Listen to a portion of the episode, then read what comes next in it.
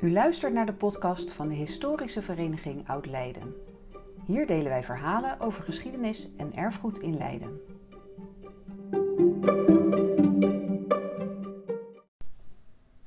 In deze podcast het verhaal van de heer Gijs Bertus Bergman, kleurrijke korte mare. De heer Gijs Bertus, Gijs Bergman, werd op 27 oktober 1937 geboren in Leiderdorp. Hij groeide op als oudste van drie kinderen. Vader Bergman werkte bij een grossierderij in levensmiddelen die hij later overnam. De levensmiddelen, voornamelijk pulvruchten, kon hij in de hongerwinter soms ruilen tegen vlees of houtblokken voor het houtkacheltje. Honger hebben ze niet geleden. Eenmaal zag Gijs hoe een geallieerd vliegtuig werd neergeschoten. Het cirkelde brandend boven de weilanden en stortte uiteindelijk neer bij Nieuwe Wetering. Dat maakte grote indruk. Evenals de Duitsers die met paarden de straat inreden en huizen vorderden. Ze hadden van alles bij zich. Ook ketelwagens waarmee ze op de slagplaats van de slager kookten. Na een week vertrokken ze weer. De feestelijkheden rond de bevrijding en de intocht van de Canadezen over de Hoge Rijndijk in Leiden staan de heer Bergman nog helder voor de geest. Zijn jeugd was plezierig in Leiderdorp, dat in die tijd nog een boerendorp was. Hij woonde in de Lindenlaan. En waar nu het Engelendaal is, waren weilanden. Hij speelde er met zijn vriendjes, slootjes springen, kikkers vangen, vissen en in de winter ijsje brouwen. Een gewaagde onderneming waarbij de jongens over dun ijs renden tot het brak en een van hen erdoor zakte. Het gezin was beleidend gereformeerd en dus ging Gijs naar de school met een Bijbel in de Hoofdstraat. In 1950, Gijs was 13 jaar, verhuisde het gezin naar de Korte Mare in Leiden, waar zijn ouders een winkel hadden. Er voeren bootjes langs op weg naar de Kaag. De Lange Gracht was nog open en de textielfabrieken daar, van Krans en Klos en Leembrugge, kleurden het water rood en groen met hun verfstoffen.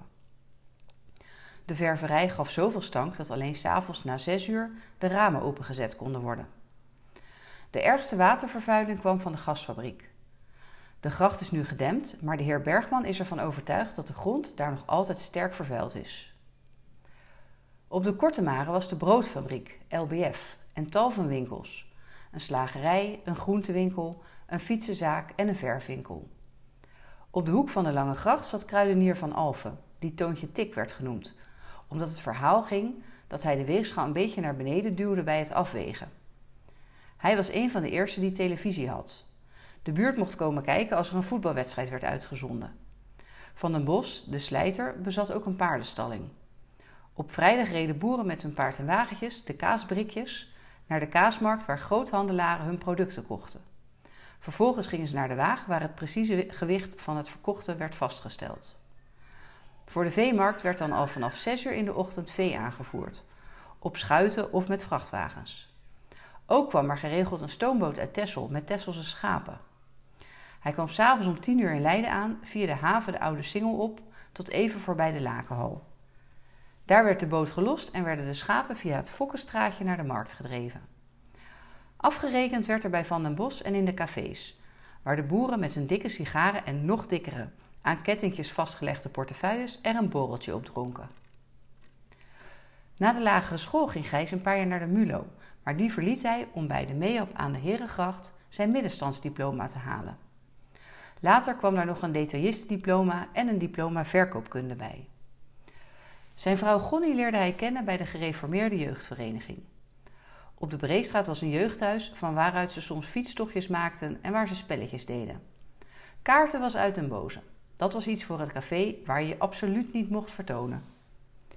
Om ervaring buitenshuis op te doen, begon Gijs zijn carrière op kantoor bij Houthof, een groothandel in koffie, thee en tabaksartikelen op de Herengracht. In 1969 namen Gijs en zijn broer het bedrijf over dat inmiddels was uitgebreid met onder andere een tak watersport en een deel diervoeders. De broers splitsten de zaak en Gijs nam de diervoeders voor zijn rekening. Het voer dat voor proefdieren, voornamelijk muizen en ratten, werd verkocht, werd in Oost-Knollendam geproduceerd en opgeslagen in een pakhuis op de Rijnsburger Singel, naast Van Gent en Loos. TNO was de grootste afnemer. Ook kruidenierswaren werden nog verhandeld.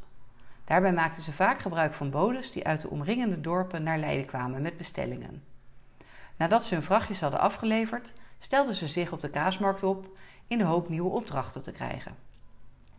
Concurrentie was er niet. Elke bode bediende zijn eigen dorp. De heer Bergman bracht er kleinere hoeveelheden naartoe, bijvoorbeeld splitterten voor een kruidenier in de omgeving.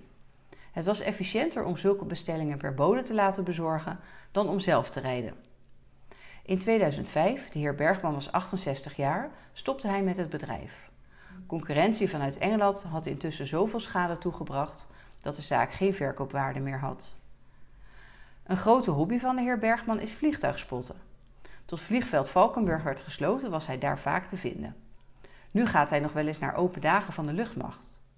Burgerluchtvaart interesseert hem niet zo, maar de militaire vliegvelden heeft hij wel allemaal bezocht. Volkel, Geelzerijen, Leeuwarden en Soesterberg, dat nu ook gesloten is. Niet lang geleden ging hij nog met zijn twee zoons naar een open dag in België. Die belangstelling die blijft.